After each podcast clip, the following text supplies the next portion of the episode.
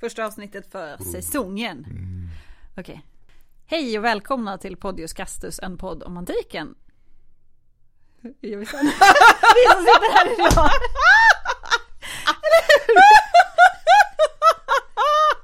Ja det är det, just det. Ja, Jag tänkte på att du gjorde fel förra gången. Eller ja, förra gången det var paus.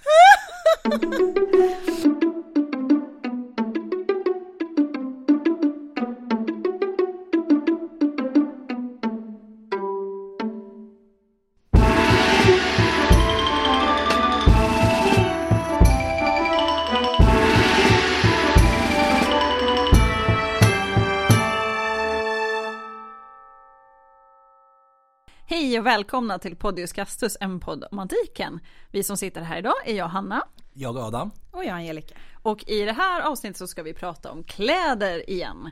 Vi har ju pratat om kläder två gånger tidigare. Med traumatiska läxförhör för Adam och Angelica. och då har vi tagit både Rom och Grekland och nu om vi kommer till Egypten. Eh, Så att det, vi rör oss från tidig dynastisk tid, alltså typ 3100 före vår tideräkning, fram till sentiden ungefär, alltså innan Alexander tågar in i Egypten. Och när är det? You're so mean. Han dör 323, Ja det gör eller hur? Så lite innan dess. Ja. Ja, en stund innan. Vissa källor säger att han dör 230. Det är Jag har ingen, hört från en säker källa att han dog Ingen källa som säger 232. Utom jag. Men jag har ingen källa. Vi kommer som i de andra avsnitten försöka hålla oss till någon typ av generell outfit. Det här är en jättelång period och så vi kommer märka det inte helt enkelt. Men eh, ja, vi, vi gör det bästa av det helt enkelt. Och i Egypten finns det ju jättemycket spännande att säga om framförallt om håret. Eh, men även om smyckena och smink och så vidare. Och det, vi kommer komma in på det lite grann. Men det blir inte fokus på den biten. Ja, Typ så. Ungefär. Mm. På tal om källor. Det som du inte är. Det som jag inte är. Ska vi exakt. prata om det som är källor? Ja men det kan vi göra. För, okej, d- ni som har lyssnat på de tidigare avsnitten om eh, det som Hanna sa, grekiska och romerska kläder. De känner väl åtminstone igen källläget för det är väl ungefär samma, samma, samma, samma. Ja, typ. Ehm, Det arkeologiska materialet är såklart begränsat. Det är organiskt material det handlar om. Organiskt material bryts ner med tiden. Eh, Det är då lite bättre vad gäller Egypten än vad det gäller till exempel Grekland. Eh, Och det här beror ju såklart på att det är väldigt torrt i Egypten. Det är väldigt lite regn. Ja, det Förklarar, inte varför det är torrt. Ehm, Vilket gör att textiler kan bevaras Ja. på ett helt annat sätt. Eh, Det är ju nästan uteslutande i gravkontexter som det finns textiler bevarade. Eh, Och det kommer ju såklart med sin egen problematik. Med eh, överrepresentation av övre klass och såna här saker. eh. Till exempel. Sen har vi det ikonografiska materialet och det är mycket mer omfattande. Eh, Från det forna Egypten så finns det inte bara en mängd statyer utan det finns också mycket fina gravreliefer och gravmålningar. Och andra typer av målningar också för den delen. Ska säga. Och den då rådande estetiska stilen som i stort påverkar den här typen av konst medför ju också vissa problem. Eftersom det troligen, alltså vad, vad väljer man att avbilda för någonting är den stora frågan. Vad är det som avbildas och hur det avbildas och sådär. Utöver det här så finns det också en mängd små modeller från olika gravar. Eh, föreställer, föreställandes personer som utför olika sysslor och sådana här saker. Men som sagt den stora här grejen, vad är, vad är rent ikonografi och vad är faktisk verklighet som avbildas och sådana här saker. Och det kommer Det vi komma in på för Ja. det är en diskrepans däremellan. Sen finns det också ett par mer eller mindre välkända arkeologiska kontexter som är väldigt viktiga. Vi har Tutankhamons grav, uppenbar källa. Och andra orörda gravar som TT8. Eh, som är en grav som tillhör eh, två stycken som heter Ka och Merit. Eh, och i ena fallet med Tutankhamon då så rör det sig om en farao. Eh, och i det andra med TT8 eh, så är det två väldigt högt uppsatta personer. Och det är alltså inte kontexter som nödvändigtvis speglar den stora massan av människor. Nej, verkligen inte. Får man väl ändå lov att säga. En, fa, en farao och två väldigt högt uppsatta personer Ja, skvallrar om att det inte är Vad heter han? Berit och Klerit eller vad heter de? Vad brukar man säga? Kle, ja, de två i alla fall. Kling och klang. Berit och Klerit. Kreti, vad heter Vad säger man för något? Kreti och pleti! Kreti pleti. Nej det är det inte var kreti Merit, pleti. Merit förstörde alltihopa. Berit och Merit kan vi säga när. Merit och Merit och Ja. nya kreti De, pleti. ja, Ja. Ja, de i alla fall. det, det stämmer. Det är inte de. Nej det är inte Nej. de. Nej. Nej. Men ska vi börja lite med materialet som användes? För att få kläder så måste man ha material för att göra kläder. Du är så smart Angelica. Det här, är, det här är, det är torrt i Egypten för att det inte regnar. Intelligensnivån här är hög. Ja, det är fortfarande lite sommar. Ja, ja. Det, ja, precis. Det här är vi som bara försöker förstå hur saker och ting hänger ihop. Ja. Linnekläder var i alla fall det absolut vanligaste i Egypten. Och eh, kvaliteten på linnet var eh, en stor markör mellan samhällsklasserna. Linne tillverkades eh, av växten lin. Kanske inte så konstig koppling där. Nej. Nej, det gäller dock att man vet om det. Det är, Ja, som- det är sant, ja. det är sant. Och den här eh, växten, eh, den växer på ganska bra i Egypten. Det är väldigt torrt i Egypten. har jag. Det, jag har också Ja. hört det. Men det finns en sak som heter Nilen. Har du hört det? det har jag Visste faktiskt du? hört. Exakt, vattnet faller inte från himlen, vattnet flyter på marken. Precis. Det kallas en flod. Ja. Förlåt. Jag ska... Facts. Church, jo. Ja. Tillbaka till lin. Ja. Eh, lin skördas bäst genom att eh, ryckas upp med rötterna. Det är ju så att om man skär av linet kan det ge problem längre fram i processen. Att eh, snittytan blir överrötad. Det vill man inte. Nej, det Nej. vill man inte. Efter skörden så måste linet torkas och när linet har torkat ska det repas. Och det innebär att man med hjälp av en grovtandad fast fixerad kam, som det är typ spikar inslagna i en träplatta, typ kammar bort fröhusen från de torra linplantorna. Väldigt, jag vet inte om man har sett liksom någon video på när man fixar med garn eller något. Alltså det Det är, kardar ull tänkte men jag. alltså det är så Ja. himla så här, tillfredsställande. Mm. Jag tror att man faktiskt eh, kan få se hur, hur man alltså, tillbereder lin på Skansen vid Ja. olika tillfällen. Eller jag har i alla fall gjort det, m- men jag tror att de ibland liksom har, att de visar det. För det Mm. är ju en, en produktion som har sett ganska lik ut under lång tid. Så där kan man se Ja, hur de håller men på. de hittade ett sätt som funkade. Ja, Ja, uppenbarligen. Ja. ja. Det är också men väldigt precis. torrt på Skansen. Här. Det beror lite på vilken månad. Den här sommaren, I don't know. nej inte, Nej. inte den här sommaren. I alla fall, man kammar bort de här fröhusen från eh, linplantorna. Och eh, de här fröna de kunde man ju liksom ta tillvara på för att man ville ha mer linplantor. Och Och då sår man frön. Ja, ja, man kan ju få olja också. Lite sådär. Ja men det är sant, linolja. Ja, sen är det dags för det här med rötning. Och eh, det gör man för att kunna lossa de här spinnbara fibrerna. Och det kallas eh, för tågan. T-Å-G-A-N, inte tågan som är romerska tågen. Nej. Och det här ska lossas från den vedartade kärnan. Tågen och kärnan hålls ihop av pektin. Det är typ växtlim. Och eh, för att eh, bryta ner det så låter man linet ruttna lite grann. Och det gäller att få det här rätt då. Och det krävs kunskap och erfarenhet att avgöra när rötningen är klar. Eh, men det var ju uppenbarligen egyptierna ganska bra på. Mhm. Och nu är då linet redo för bråkning. Nu ska man bråka med det. Nu ska man bråka med det. Ja. Mm. Och det innebär att man krossar stamdelarna från den vetartade skärven. Och sen ska linet skäktas och häcklas. Det är underbara termer. Ja, ja, Ja. Och då skiljs de här... Jävlar, vad ful du är! Du Kallar du dig själv för lin? Det var exakt så Ja. man gjorde. Och det här gör ju då att man, man skiljer de spinnbara fibrerna från de vedartade delarna. Och de här stegen tar både tid och är ganska ansträngande. Och när man är klar med detta så har man en bunt glänsande linfiber som man kan spinna till tråd och sedan väva. Och skördade man istället skälkarna före de satte frö kunde man få finare fibrer och i och med det finare tyg. Och restprodukter från beredningsprocessen kunde användas till mycket, så inget eller väldigt lite behövde gå till spillo. Mm.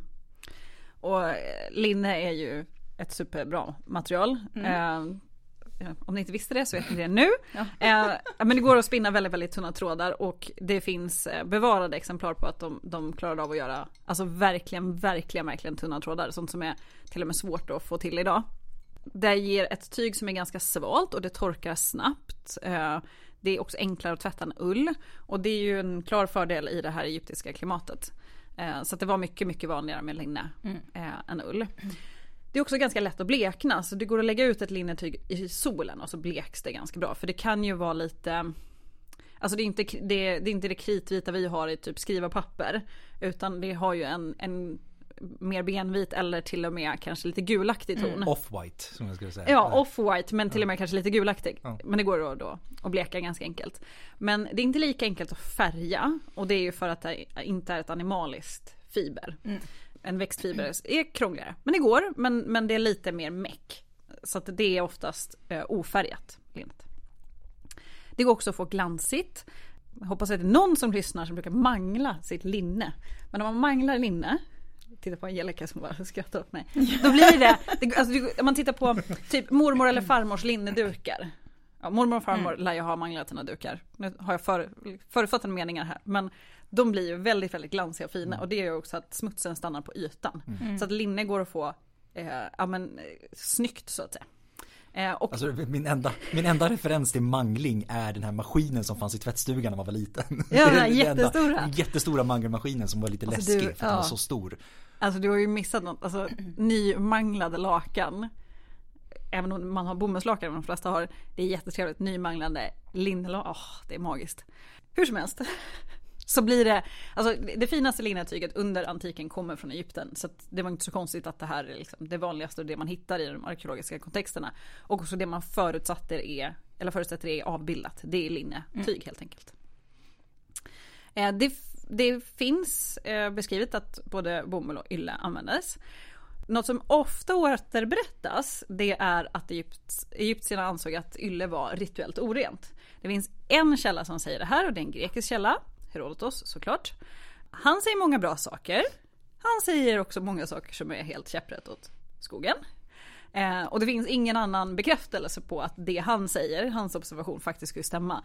Och det finns faktiskt ylle bland det arkeologiska materialet så det kan inte ha varit så ovanligt som han vill att det ska mm. framstå.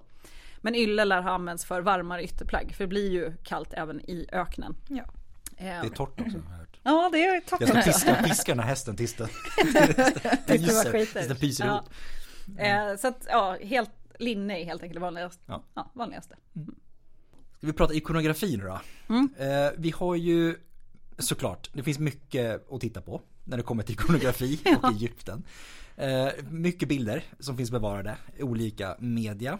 Eh, allra flesta har nog en bild av hur en egyptier ser ut. De heter typ überklassiska Walk like an Egyptian avbildningen på ja, något ja, sätt. Ja, och därför är det väl lika bra att börja med de här den här typen av representationer. Mm. Bland det tidiga materialet, alltså från det gamla riket, pyramidriket om man ja, precis. Mm. Eh, så kan man se ett tydligt mode med så att säga typiska kläder inom citationstecken för både män och kvinnor.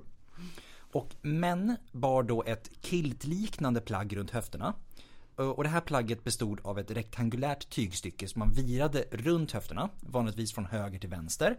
Så att öppningen blev liksom centrerad mitt fram. Och den hölls ihop och hölls upp av ett bälte eller en gördel. Och eh, med olika typer av vikningar av den främre delen. Eh, för att liksom, och med det skapade man lite intressanta former lite grann, beroende mm. på hur man vek, vek sin kilt. Mm. Lite grann som hur man viker sin tåga, så kan ja. man få det att se lite olika ut. Och en sådan som ofta blir tydlig i ikonografi är ett stort motväck fram till. Som liksom illustreras som en stor triangel. Alltså, har man sett dem så vet man vad det är. De, de sticker liksom ut och är, ja. den är verkligen enorm. Mm. Så, ja. Jag tror att googlar man bara på något typ Egyptian, ja, bara Statueless Egyptian något, art. Så ser man den ja. ganska omgående säkert. Ja. Ehm, att döma av avbildningar och statyer så kunde det här plagget vara stärkt. Eh, vilket då skapar de krispiga vecken och styvheten som behövs för att få den här looken. Mm. Det, är liksom, det, ska vara lite, det ska inte vara supermjukt. Nej, eh, inte att döma av ikonografin i alla fall. Nej. Nej. Eh, Och det här plagget kallas för en kändyt och bars av alla klasser utom slavar rent generellt. Och det var materialen och dekorationerna som skilde åt. Alltså lite mer flashigt, då var det lite högre eh, Precis, status på det. Så att alla från farao och neråt. Och vi kommer ju på vår Instagram kommer vi lägga upp flera bilder så att man ska kunna se liksom några av de här exemplen som vi tar i det här avsnittet. Och riktigt fina kändyts kunde vara av så tunt och fint linne att de var nästan till genomskinliga. Så att det är som så här rispapper-kvalitet Mm. Ja, nästan. ja. Eh, I övrigt så bär männen sällan andra plagg. Eh, det var kändyt, barfota, ingen tunika men ofta om man var rik i alla fall, smycken. Mm. Eh, som var liksom looken man ville åt. Någonstans mellan ett smycke och ett plagg, eh, det är den här breda kragen som bars av både män och kvinnor har man säkert också sett i Mm. eh, avbildningar. Känner igen. Eh, den kallas usech. Usech. Ja, Ja.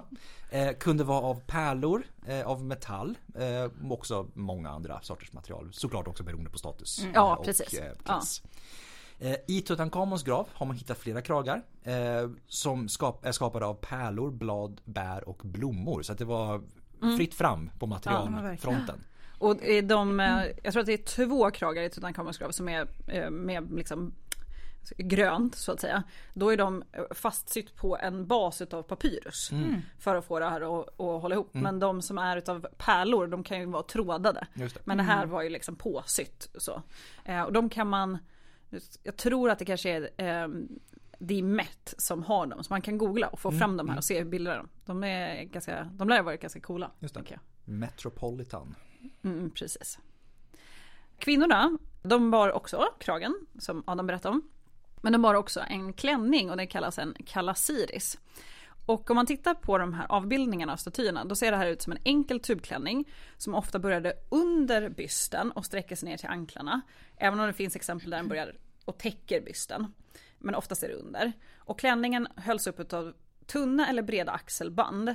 Eh, Och de här axelbanden kunde ibland täcka bysten. Antingen helt eller delvis. Men det, det är cleavage på de här kvinnorna. Eh, och axelbanden kunde, kunde vara ett eller kunde vara två och de kunde gå fram mellan brösten eller på. Ja, lite olika. Ehm, andra varianter av den här klänningen som avbildas det är en tubklänning med en väldigt, väldigt djup V-ringning. Och där öppningen slutar ungefär under bysten, alltså underkanten på en modern, modern bh. Ja. Längre ner än vad du ska trycka när du gör HLR. Där nere. Så. Och den är också super, super tight. Men den verkar inte ha lösa axelband utan det är mer ett stycke. Alla de här klänningarna har en, en gemensam nämnare. De är extremt tajta. Alltså i princip omöjligt tajta. Idag hade det här varit sytt av spandex. Det, det är liksom på den nivån. Spandex fanns inte då. Eh, No shit. no shit Sherlock. Det hade Spandekes hette det. Nu kom från Grekland.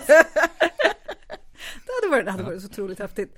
Eh, det här är ju troligen då alltså starkt idealiserade bilder av den kvinnliga och då kanske sexiga kroppen. Det, det går att få så här tajta plagg utav vävda och då stumma tyger men det krävs ganska mycket sömmar och sätt att ta sig in och ur. Idag är ju det ett blixtlås, eh, det hade man inte då.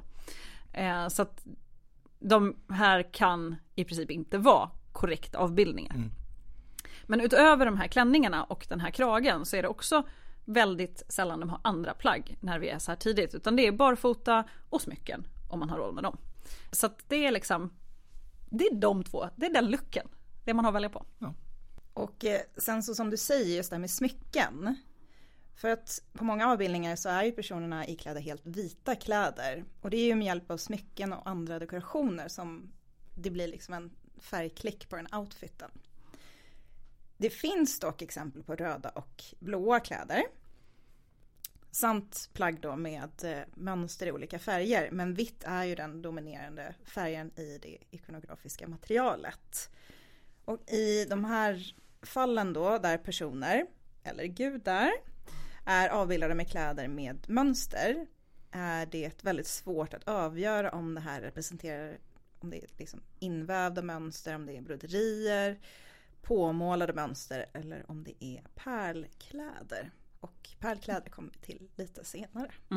Och det är ofta är det ju gudar som avbildas med mycket färg. Men även eh, såklart farao kan göra det. Under nya riket så verkar kläderna ha blivit lite mer invecklade. Tygstycken tycks bli större Och det blev fler draperingar och väck.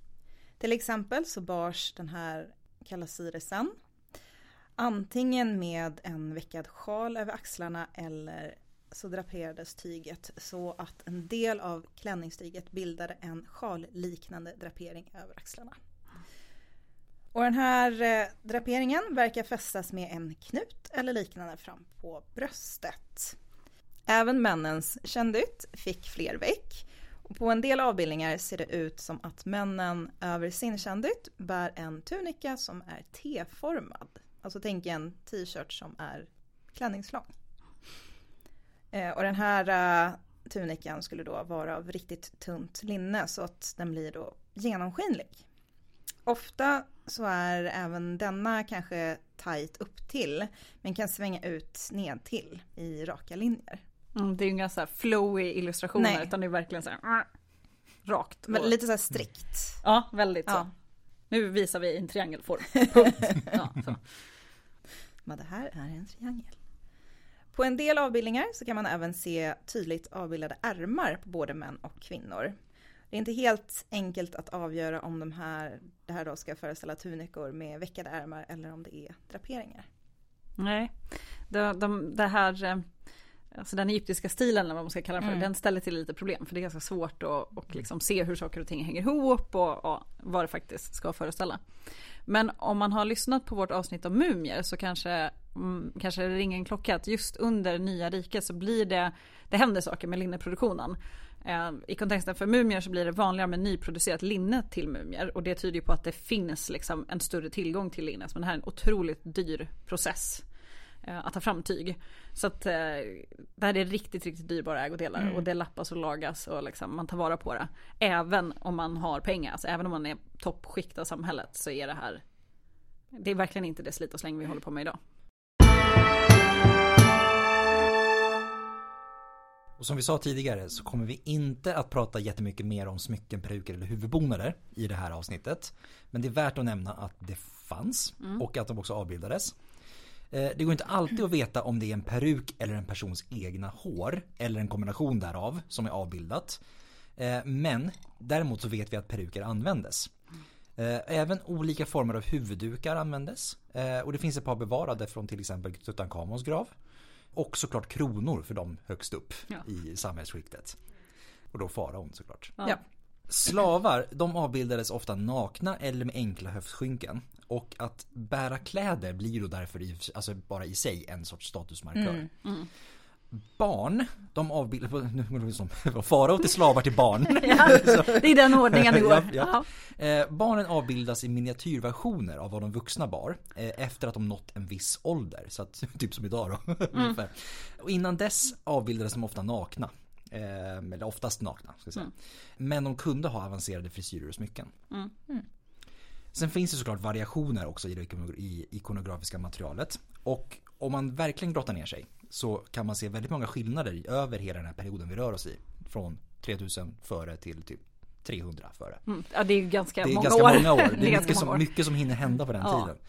Eh, och tyvärr har dock ofta narrativet om egyptisk mode förenklats till kilt och smycken och tubklänning och smycken Mm. eh, för respektive män och kvinnor. Då. Eh, och som vi kommer märka så är det inte alltid så enkelt. Nej.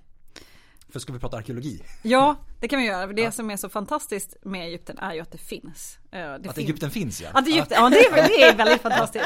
Eh, Jag tänkte att det finns en arkeologisk det är väldigt kontext torrt för tyg. också. Det är ju det. Och eftersom att det är torrt då som Adam påpekar så bevaras ju sådana här väldigt sköra material väldigt, väldigt bra. Mm. Och eh, det här kommer liksom, den här fina bilden man får av ikonografin kommer ställas, det kommer bara, vi kommer stöka till den nu. Mm. Så sorry för det. Eh, Men jag tycker att vi ska börja inifrån underkläderna, för de har vi ju inte pratat om när vi Nej. pratar om ikonografin. Men underkläder bär man. Eh, Och män och kvinnor verkar bära ut samma typ av underkläder. Och det här är en, en ganska enkel triangel som knyts runt midjan eller höften. Och sen tar man då den mittersta spetsen och för den in mellan benen och fram över knuten. Som kalsonger. Bara. Ja, Ja. Fast det, mina kalsonger ser inte ut så men liksom. Nu vet ni det! Ja, men ja, Ja, ja. ja men det, det är ju typ ja, kallingar ja, ja liksom. men precis, det är bara en halsduk liksom som man Ja. virar runt. Nu vet vi hur dina underkläder ser ut. Jag ska inte, jag ska inte säga något nu. Nej, fortsätt inte nu. Vi, vi tar över här. De här, man har hittat sådana här i ganska många liksom, arkeologiska kontexter. För det, det, man måste ju ha med sig till, till livet efter det här. Kallingar behöver man även då. Man vill liksom inte stå framför Osiris i skitiga underkläder. Nej. Nej, det är Nej. dumt. Nej. Och det börjar blåsa när man har kilten liksom bara så. Ja, exakt. Ja. Ja. Eller genomskinlig klänning Ja, eller ja. ja. Bland de, man har ju hittat ett par helt orörda gravar, det, det kan vi nämnas. De är inte jättemånga men det, det finns. Eh, många grävdes ut i början på 1900-talet. Och i dem så har man då sett att den döda skicksvävningen är ganska många, för enkelhetens skull, kallingar. Och ofta består de av två ihopsydda trianglar där sömmen bildar plaggets mitt.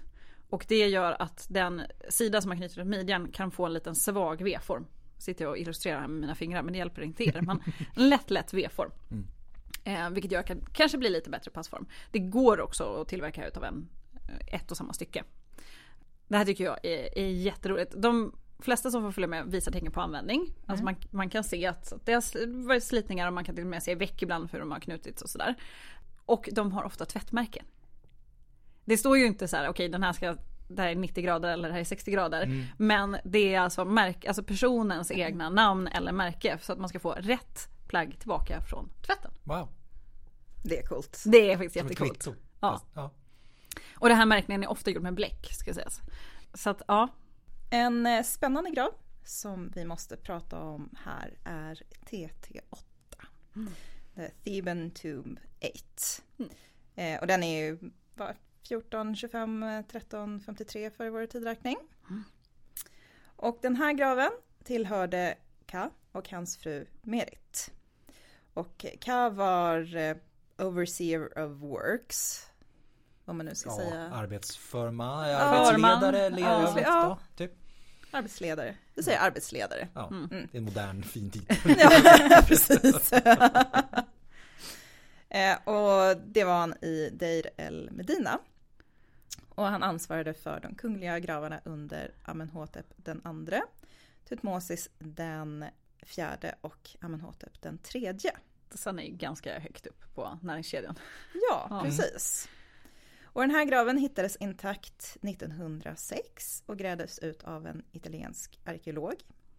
Oklart vilken. Ernesto Schiaparelli. Hette han som grävde ut den. han? Mm, mm. Har vi sagt det i alla fall? Ja. Nu har vi sagt det, vi behöver inte Nej. tänka mer på vi. honom Vet vi vem det är?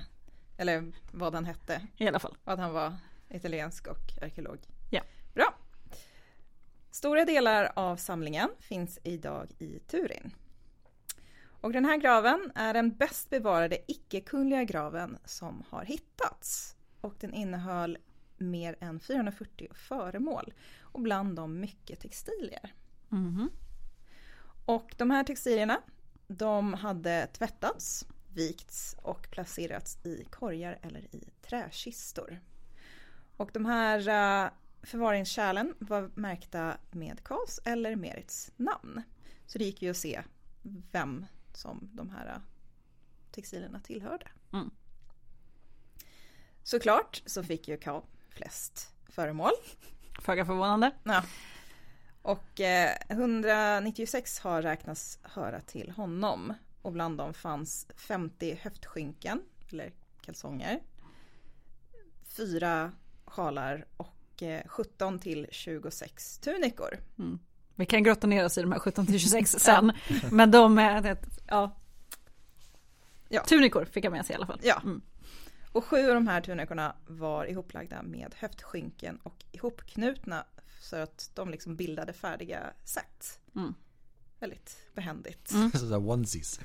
Ja, gulligt. Alltså inte ihopknutna så, utan med så här, det här är ett, ett klädpaket. Ja så det var så, Ja. okej ja, jag, såg det, jag såg det framför mig som att det var ett Ja, jag såg också Ja, så här som en liten onesie. Ja. Nej, Ja. nej inte som en onesie utan det, det här är liksom så här. sin, Jag kommer Kai i sin onesie.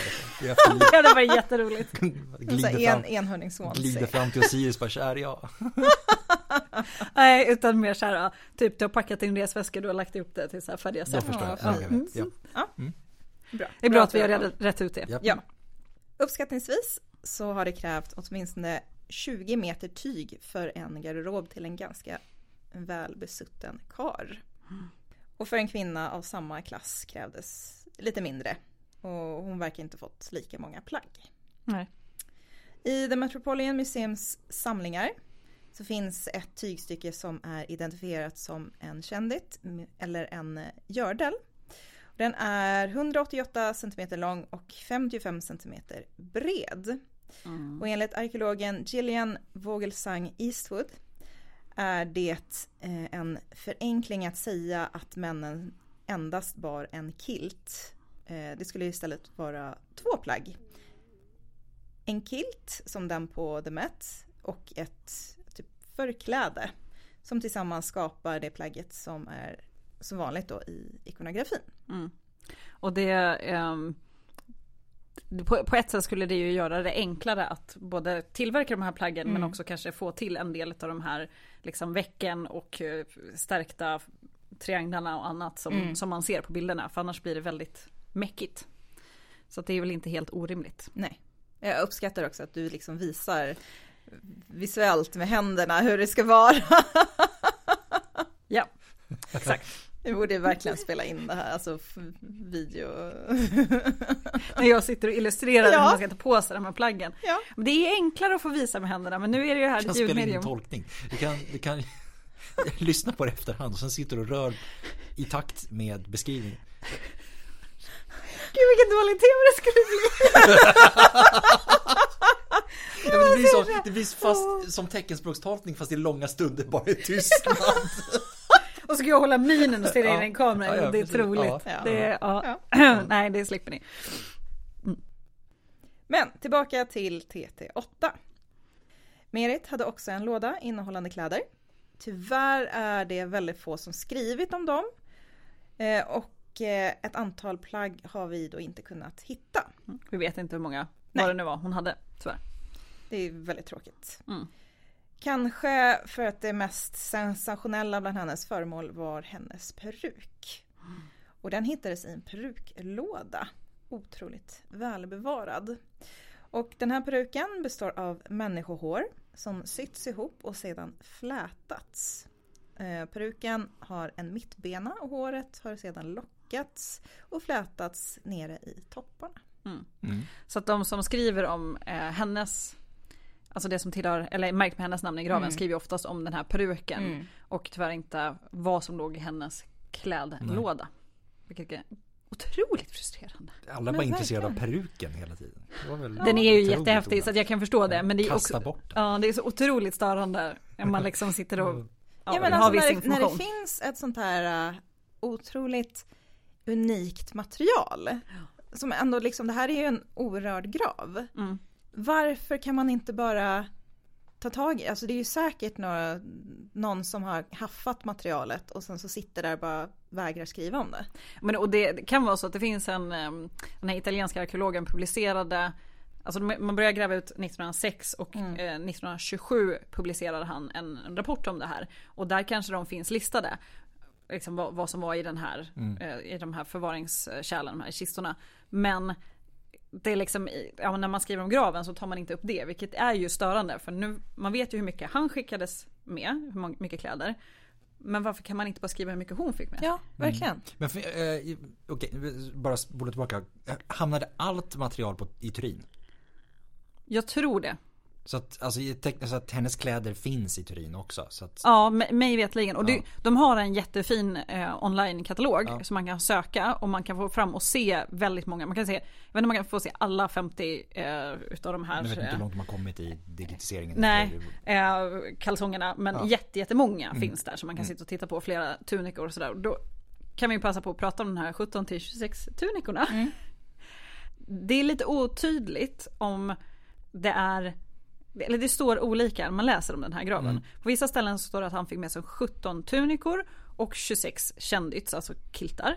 Andra ställen står det att han fick 17 tunikor och 26 shirts. Mm. Eh, andra säger att det är 17 tunikor och 26 shirts men det är en typ utav tunika som vi ska beskriva sen. Mm. Men vad som är då skillnaden mellan de här 17 och 26, det är väldigt oklart. Och eh, i Turins liksom, digitala katalog, eller samling, då kan man ju se flera tunikor, men där är alla benämnda tunikor. Och det liksom, ja, folk använder helt enkelt olika terminologi, vilket är jättesvårt att jä- sitta och jämföra. Så att han fick med sig ett gäng tunikor. Men, men hur många och vad som är skillnaden mellan de här 17 och 26, det vet vi tyvärr inte. Eh, får vi reda på det, då återkommer vi till det. Vi fortsätter på tunikaspåret. Ja, Fortsätter prata tunikor. Det finns ju ett par tunikor som är bevarade från olika gravar. Och i det ikonografiska materialet så ser man sällan något som faktiskt ser ut som en tunika. Men de dyker upp i gravarna, främst då från Nya riket. Men några exempel från mellersta finns också. Som vi har hört nu så Ka hade ju fått med sig många tunikor till livet efter detta. Och de tunikorna består av ett rektangulärt tygstycke som har vikts på mitten. Och sidorna är sedan ihopsydda utom för liksom cir cirka 30 cm närmast vikningen för att skapa ett ärmhål. Eh, och sen har man också tagit ut ett hål för huvudet. Typ nyckelhålsformat hål. Hanna illustrerar med händerna men det hjälper ingen tror jag. nej vi gör inte det. Bara, bara stör Adam. Ja. Eh, många, många tunikor som de här har bara enkla follar runt halsöppningen. Men de kan också ha fransar ner till på follen. Eh, de kunde också ha dekorerade kanter.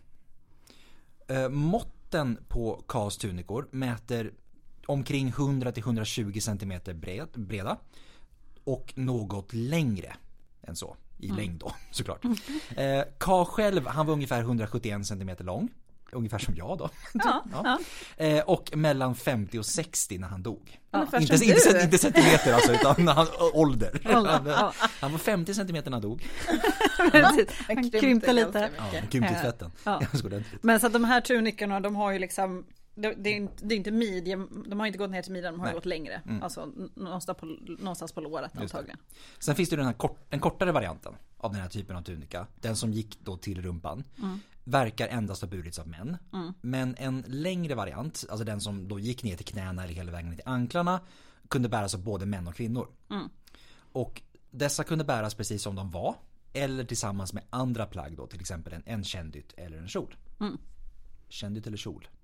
Det är titel på någonting. Jag vet inte vad, men det är... Men det är en titel. Ja. ja. I många gravar där man har hittat textilier har man funnit längder av tyg som är lite svåra att eh, användningsbedöma. De är av varierande grovlek, varierande mått och ibland även dekorerade. Flera har avslutats med en franskant och ibland så har de en invävd färgad bård. Och här är ju frågan om de kanske används som lakan eller som kläder, till exempel klänningar. Och det är ju väldigt svårt att avgöra. Eh, De kan ju faktiskt användas som både och. Det kan de. Jag tänker framförallt om man, ju längre ner man kommer eh, i, i samhällsklasserna så det tyget du har råd med det, det lär du använda. Absolut. Så det är inte helt omöjligt. I vissa fall så går det att se spår av användning som gör det troligt att ett tygstycke är använt som ett plagg. Men det kräver ju att det var välbevarat från början och då i så pass bra skick att man kan då undersöka det grundligt. Det här gör det svårt att med säkerhet identifiera plagg som kvinnor bar. För av vad vi har kunnat läsa oss till så har man än så länge inte funnit någon tight liksom tight. Mm. Eh, kalla siris. Alltså den här tubformade klänningen som är så vanlig då i ikonografin. Det betyder såklart inte att eh, det inte fanns. Men det är också väldigt troligt att avbildningarna inte är en korrekt representation av hur plagget såg ut. För att som vi har sagt, de är väldigt, väldigt tajta. Mm. Kalasirisen var kanske mer troligt ett tygstycke som draperades runt kroppen. Om inte axelbanden var ditsydda på tubdelen av klänningen borde det ha fästs med hjälp av till exempel nålar. Men i de välbevarade gravarna som än så länge har hittats eller upptäckts har man inte hittat något sätt av nålar som verkar vara anpassade för det här äh, syftet. Alltså ett set om två eller fyra nålar exempelvis. Gillian Vogelsang Eastwood, vilket namn. Mm. Hon argumenterar för att den här typen av klänning egentligen ska betraktas som en wrapdress. Alltså någonting som man, tygstycke man draperar runt sig, Ja. virar runt kroppen. Jag tänker en, den här omelottkjol var ju jättepopulärt. Var det så här början 2000-tal eller någonting? Ja. Ja. Ja men mer så. så. Våra, vår referens ligger tidigt Ja, 00-tal. verkligen! det eh, kanske finns någon kan förklaring till det. På det. Ja, precis. Ja. We're old. Ja men annars borde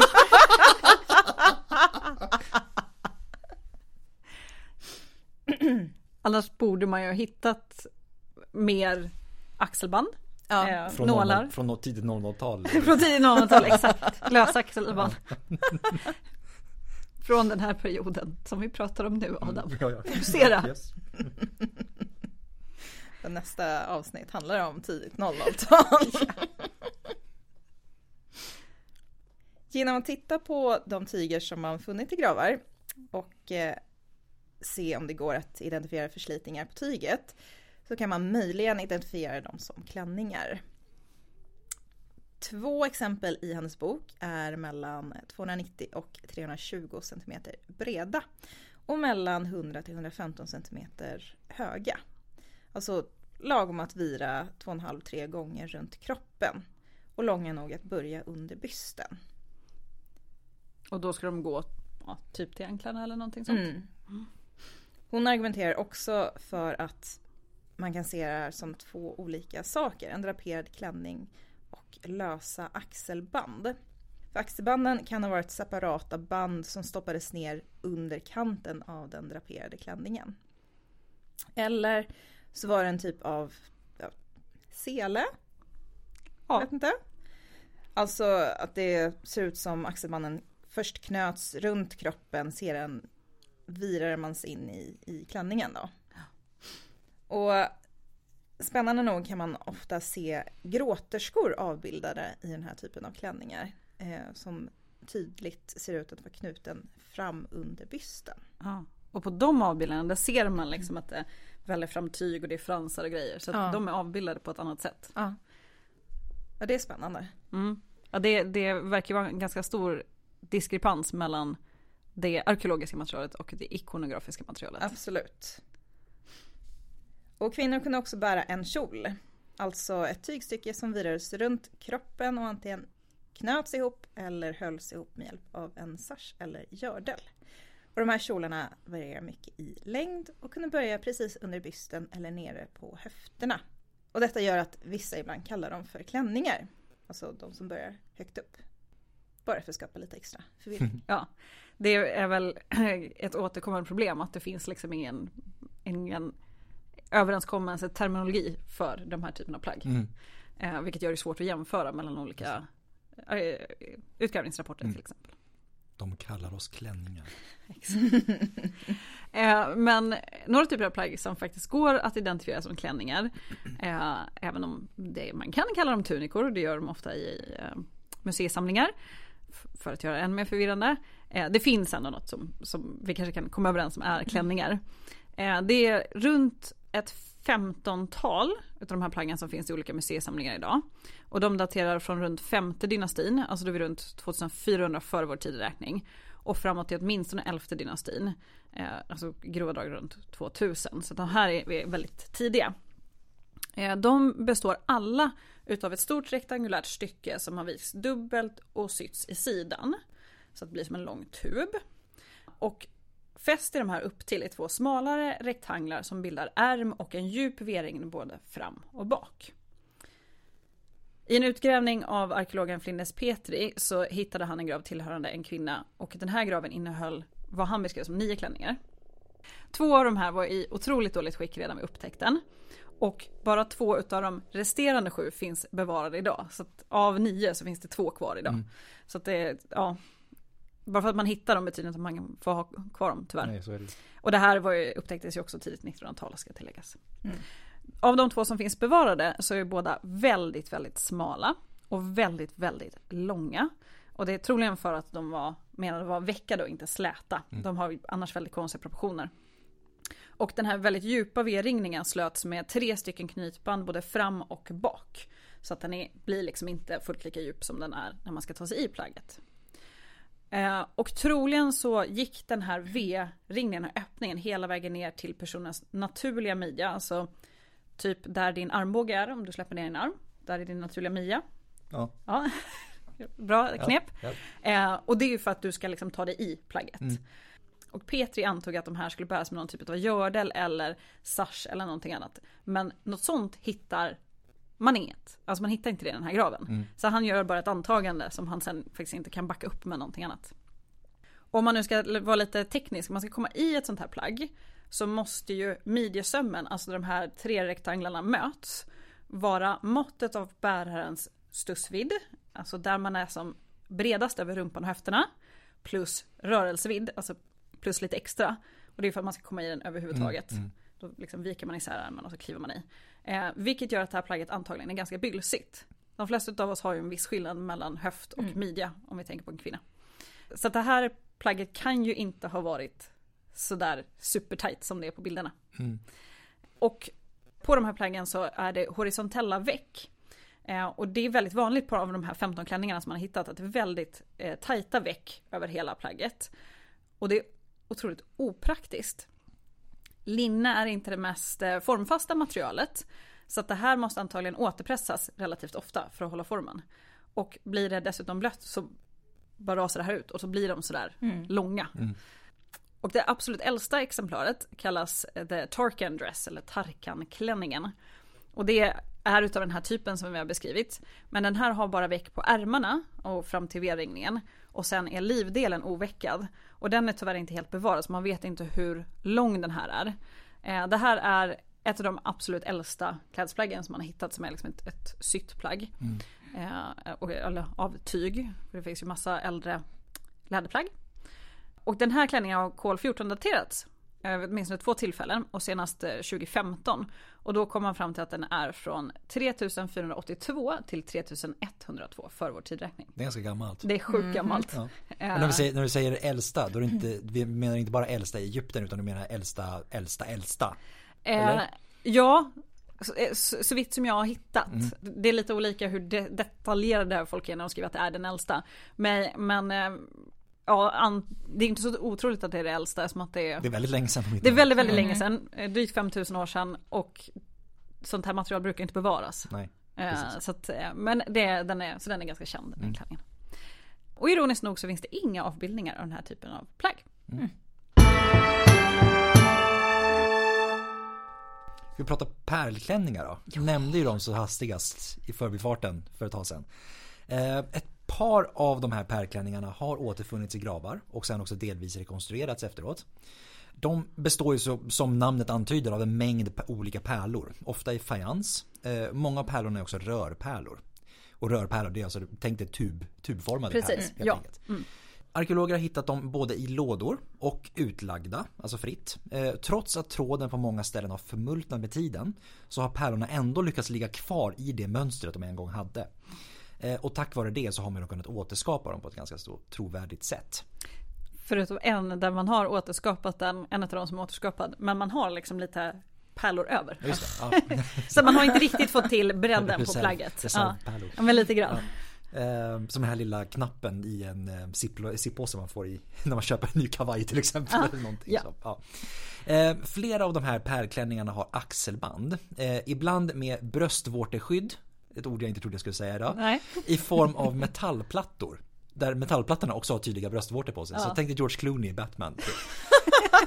Och sen börjar själva klänningsdelen under själva bysten. Ja. Så de här ser mer ut som ikonografi. Just det. Mm. Eh, om man ska tro avbildningarna eh, så bars troligen dessa över en tygklänning. Och det skulle också såklart vara väldigt oskönt att bara ha dem mot bar hud om inte annat. Lite Ja, men- kinky om inte annat. Bara. Ja, men, och- men det verkar man inte ha haft någonting emot. Det är ganska Nej. mycket nak- naket Ja, ja. i, Jo, jo. i ikonografin och sådär. Men om man, är, alltså man har haft, eh, om man höll på med mycket pärlor som barn, om man har gjort mycket armarna och sådär, de, de, de kan bli ganska nypiga. Ja, Alltså, ja, ja, hjälper, ja, de kan ju verkligen nypa tag i huden. Så att, tänker du gå runt i, nej. Ja. En hel, ja precis, istället för en pärlplatta så gör man en pärl. Det kan man, det är Ja. kul sommaraktivitet. Ja. Sensommaraktivitet. Alltså jag är fett taggad, det skulle jag vilja göra faktiskt. Men alltså förstå, det, det är inte konstigt att man på 1920-talet bara älskade det här. Ja, ja. Det här är Ja. ju så liksom. Det låter lite så här, vet, glada 20-tal-aktigt. Ja. Ja, det. Ja, ja. Det, ja men de här, när man, vi kommer visa några på Instagram. Jazz, jazzåldern. Men alltså det här, det hade lika gärna kunnat vara 1920-tal. Ja, Ja. ja. Ja. De är också otroligt snygga. Eh, de här pärlklänningarna, eh, de är tidiga i ålder. Eh, och när, man, när, när vi kommer in i nya riket, de, när de kommer in i nya riket, det som vi kallar nya riket idag, eh, börjar avbildningarna med dem att tunnas ut. Eh, och det är främst gudinnor eller drottningar som avbildas med dem. Så de fick väl en liten statusskjuts eller något. Precis, och Någonstans. kanske sågs som så att, ja, typiska kläder. Alltså man, man fortsatte den typen av avbildning. De fick en vintage-status. Ja men lite, Och så ja lite. ja, Eh, Så att de, är, de här är, är oftast riktigt gamla. Vi ska också nämna några plagg som återfanns i Tutankhamons grav. För de är lite speciella. Lite special. Han ska alltid vara så spärs. Ja, Då måste vi också nämna att det gjordes ett stort arbete på Textilhögskolan i Borås med att undersöka flera av de här plaggen och återskapa kopior genom experimentell arkeologi. Mycket spännande. Det ledde fram till en bok också va? ja det är en bok, Tutankhamons, Tutankhamons väverskor och eh, det var en utställning. Eh, jag vet inte om, alltså plaggen finns ju kvar, eh, de här återskapade, men jag vet inte om den står på Textilhögskolan i Borås eller om den eh, har turnerat. Det är jag lite osäker på. Själva utställningen. Eller den har turnerat men om, om var den är idag. Mm. Ett par av plaggen var utställda på Medelhavsmuseet för inte så jättelänge sedan. Delar de rekonstruerade såklart. Ja. Ehm, fast det var inte, det var en mini, mini, mini utställning, två montrar. Ja, för de gjorde ett par. Jag har inte riktigt uh, lyckats ta reda på hur många plagg de återskapade. Men de har gjort ett par. Eh, ganska stort arbete. De höll på länge. Det kan jag förstå. Mm. Men det är ju superspännande just det här med experimentell arkeologi. Och eh, mig veterligen så är det ju i Tutankhamons grav, det var, ju- det var ju så sjukt mycket saker som hittades och långt ifrån alla har ju studerats och textilier har kanske inte legat så högt i kurs, i alla fall inte tidigt 1900-tal. Det Nej. fanns ju så mycket annat guld och glitter Ja, liksom. precis. eh, som var mer, mer så att säga intressant. Så att det här är nog, har nog gjort liksom höjt statusen kanske på den här typen av plagg. Ett stort problem för dem i Borås, på Textilhögskolan då, var att kunna fram, få fram ett så tunt och fint lingarn som använts under egyptisk tid. Och det säger ju en hel del om kunskaperna de forna egyptierna hade. Mm. En typ av plagg, eller kanske en accessoar, som vi kanske inte alls pratat om tidigare, men som man hittade i Tutankhamons grav, var handskar. Och eh, han fick då med sig ett par handskar, eh, även barnhandskar, och eh, de var då i olika modeller. Men det är ett par som studerades noga och återskapades i det här äh, projektet var ett par fingerhandskar i blått och rött med ett vävt lotusmönster. Och eh, blått och rött då har gått att tydligt identifiera bland Tutankhamens textiler. Men de kan då ha haft andra färger.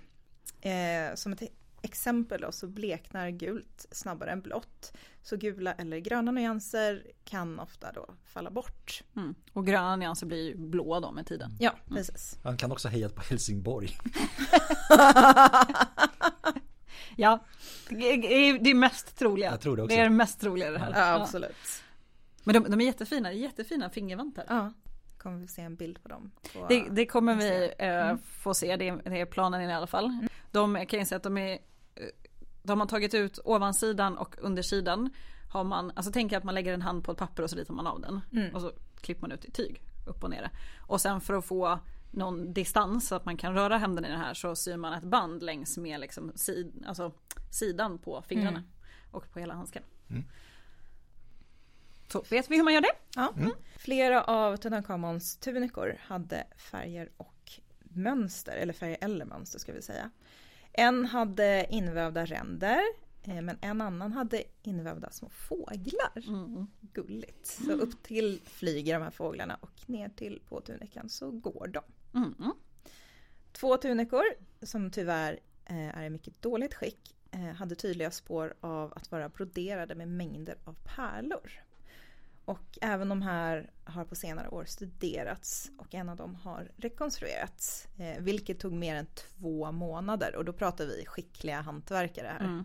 Och om jag har sett rätt på bilderna så är det pärlbrodyr fram på tunikan, inte baksidan. Så det är också bara, bara en sida. Mm. Det var billig arbetskraft Mm. i Egypten. Ja, men verkligen. Ja. Och Tutankhamon hade också fått med sig ett leopardskinn i sin grav. Och det här är inte ett äkta skinn, utan ett eh, skinn i fint rött linnetyg. Och det här hade troligen legat över hans axel när han som barn deltog i rituella sammanhang. Och det finns avbildningar av eh, präster som, eh, som har det här leopardskinnet över axeln. Tutankhamons leopard är som en rektangel med fyra ben och en svans och varje tass har små klor av silver. Och silver är då ett väldigt exotiskt material. Eh, och det var inte inhemskt utan det fick man ju importera. Mm. Kroppen var täckt av röda och blå applikationer med en guldstjärna på. Vart var guldstjärnan? Alltså på dem, det är små röda och blå applikationer, alltså det är små tygbitar Ja, eh, som är påsydda och på varje tygbit så sitter en liten guldstjärna. men gud vad Mm. gulligt. Så att det är liksom leopardens prickar. Gud vad gulligt. Mm. Ja, den, är, det är, den är otroligt gullig, Ja. det är, verkligen. Och den hade också ett huvud av trä klätt med guld. Och det fanns ett större leopardhuvud av trä eh, i graven. Eh, troligen tillhörande ett riktigt leopardskinn. Mm. Mm. Det finns ju jättemycket mer av det som fanns i hans grav men eh, ja, det, de här sticker ut lite. För att mig vetligen, jag har i alla fall inte sett någon, någon eh, avbildning med någon i handskar. Nej, Och jag tänker att det kanske finns i något jaktsammanhang sådär men, men eh, det är inte som, nej, Nej. inte som man har, Nej. och, och, om, man, om man har sett det så har man inte lagt, hjälp nu jag jag slog till micken. Men om man har sett det så har jag inte lagt märke till det i alla fall. Nej. Nej. men eftersom att de ofta avbildas med ganska lite kläder på sig. Mm. Men i gravarna har de med sig ganska mycket, alltså stora och bylsiga plagg i förhållande till Mm. vad som avbildas. Jo. Så jag har inte, jag kan inte minnas att jag har sett. Men det är fascinerande just det här ikonografi versus arkeologiskt material. Det är så stor skillnad. Ja, Och börjar man, alltså börjar man så här grotta ner sig i ikonografi kan man ju absolut se skillnader. Men, men det här klassiska, men här, den här kilten och, och barbröstad Ja. stämmer ju inte med var, varför ha med sig så många tunika om du inte använder dem? Mm. Nej precis. Det, det, det, är liksom, det är orimligt och de vi- visar ju spår på användning också. Mm. Eh, det, det måste man säga att det finns många de plaggen som finns bevarade eh, finns eh, ofta i bra digitaliserade museikataloger. Mm. Och en del av dem har ju varit duktiga på att fota sånt som till exempel lagningar och så, så man får se det. Och har man lagat det då har man ju också använt det. Just det. ja. Just det. Eh, Så att det är inte bara skapat för graven. Eh, Så att eh, just i, i fallet med Egypten man jämför med Rom där avbildningarna verkar vara lite mer Alltså de kan ju Trogna, alltid vara, ja de är mer Ja. trogna, de kan ju ändå vara liksom idealiserade såklart Mm. liksom. Men, men då, det är en helt annan stil, den är Mm. mycket mer realistisk än den var i Egypten. Mm. Eh, Så att det är stor skillnad mellan det vi kan se på bilderna och det som finns i gravarna. Så man får Mm. bara hoppas på fler arkeologiska fynd. Mm. Mm. Ja, Det var... så nu är det läxförhör. Det var nej. Nej, nej, nej, nej, jag lovar. Jag, lo- jag har lovat, inget läxförhör. Nej. inget läxförhör. Det är också lite rörigare för att det inte, för att det inte stämmer. Ja, liksom. precis. Ja. Mm. Det är nu vi flippar. Vi gör läxförhör på Hanna istället. ja precis. Ja, kör, kör på. Då måste ni ju ändå kunna det. Så att, eh, Ja, det är sant. Hur var klimatet i Egypten det var torrt. Hur var det på början av 00-talet? det var torrt! Det fanns väldigt många lösa axelband. Ja. Så var det. Ja. Men ska, ska man eh, gå på maskerad och se ut som en egyptier då kan man lika gärna gå på ikonografi. ja, det kan man. Så kan man göra. Mm.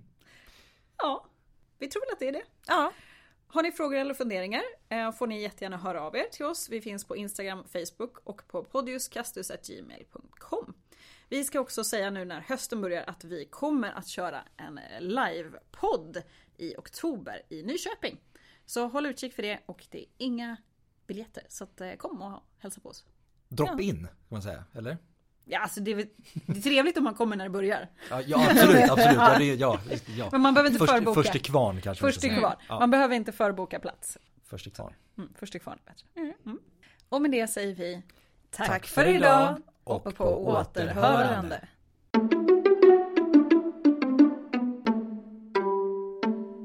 Ka, han hade ju fått med sig många kuni... kuni